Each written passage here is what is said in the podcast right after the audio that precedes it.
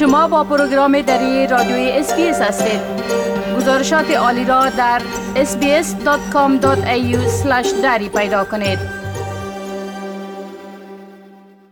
شنونده های عزیز فردا یک شنبه 27 فبروری مصادف است بر روز جهانی سازمان های امدادی غیر دولتی. اکنون همکار خود آقای فتح سامی را با خود داریم.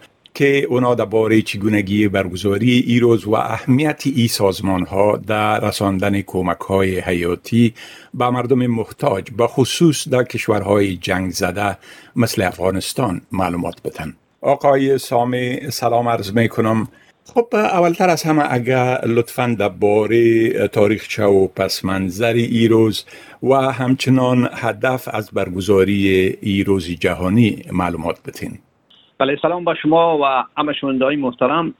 بیش از 89 کشور در شش قاره روز جهانی سازمان های غیر دولتی را گرامی می دارند هر سال در 27 فوریه روز جهانی سازمان های غیر دولتی برگزار میشه. روز جهانی سازمان های غیر دولتی یک روز بین‌المللی است که به منظور شناسایی تجلیل از همه سازمان های غیر دولتی و غیر انتفاعی و همچنان افرادی که بر آنها کار می‌کنند و در طول سالها سهم قابل توجه را در جامعه ایفا کردن اختصاص دارد روز جهانی سازمان های غیر دولتی در 27 فوریه سال 2014 برای اولین بار به خاطر قدردانی شناخت و بزرگداشت تعیین شد که این روز تقویمی یک نقطه عطف بر جامعه جهانی سازمان های غیر دولتی محسوب میشه.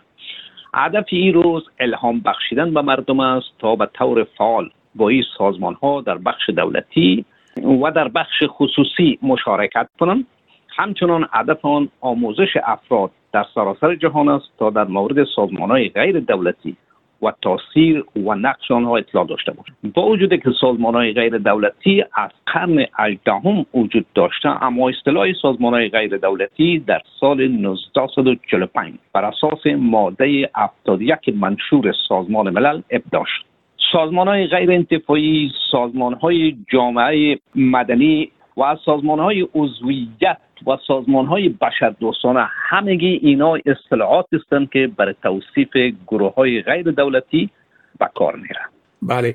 خب می‌تونین یک مقدار در باره خدمات حیاتی را که این سازمان ها یعنی سازمان های امدادی غیر دولتی به مردم بخصوص به مردم قسمی که قبلا در مقدمه گفتم به مردم مصیبت رسیده در کشورهای جنگ زده فراهم می‌کنن. معلومات بتین و بگوین که سازمان های غیر دولتی از سازمان های دولتی چطور تفکیک میشن.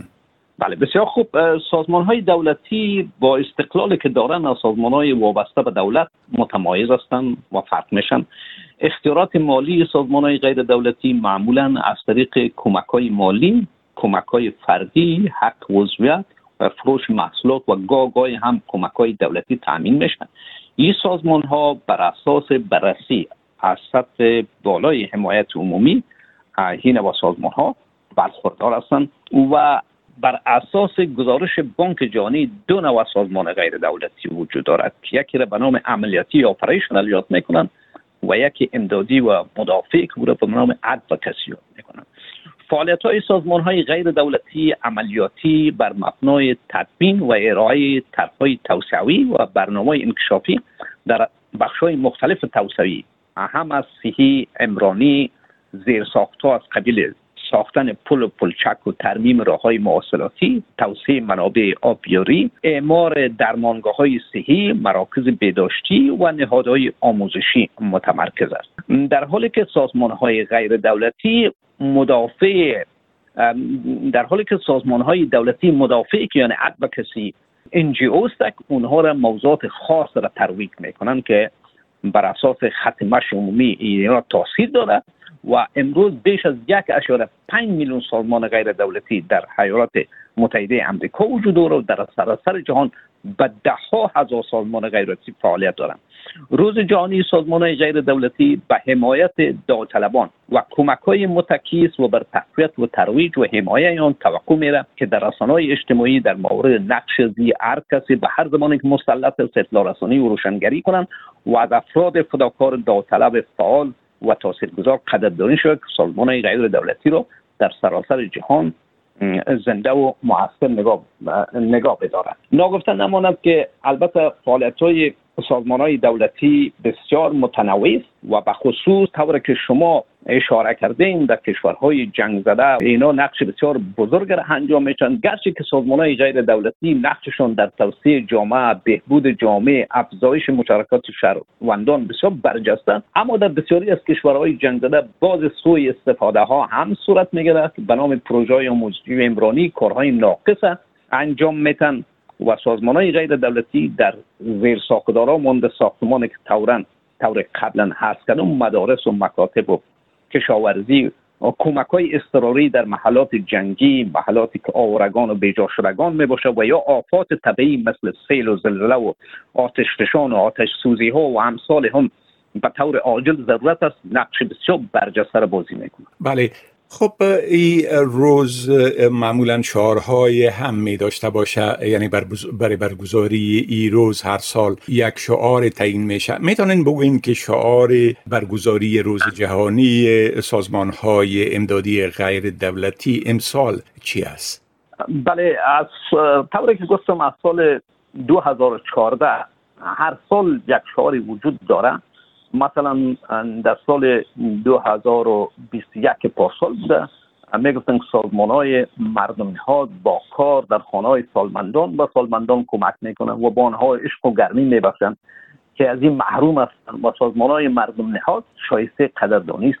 این شعار بوده که در سال 2021 و در سال 2022 که شما فرمودین بیایید لحظه برای قدردانی از قهرمانانی که در سازمان های غیر دولتی کار می‌کنن و تمام تلاش خود برای مبارزه با بیعدالتی اجتماعی و برقراری عدالت برای مردم مظلوم اجتماعی به کار می‌گیرن ما صرف بکنیم.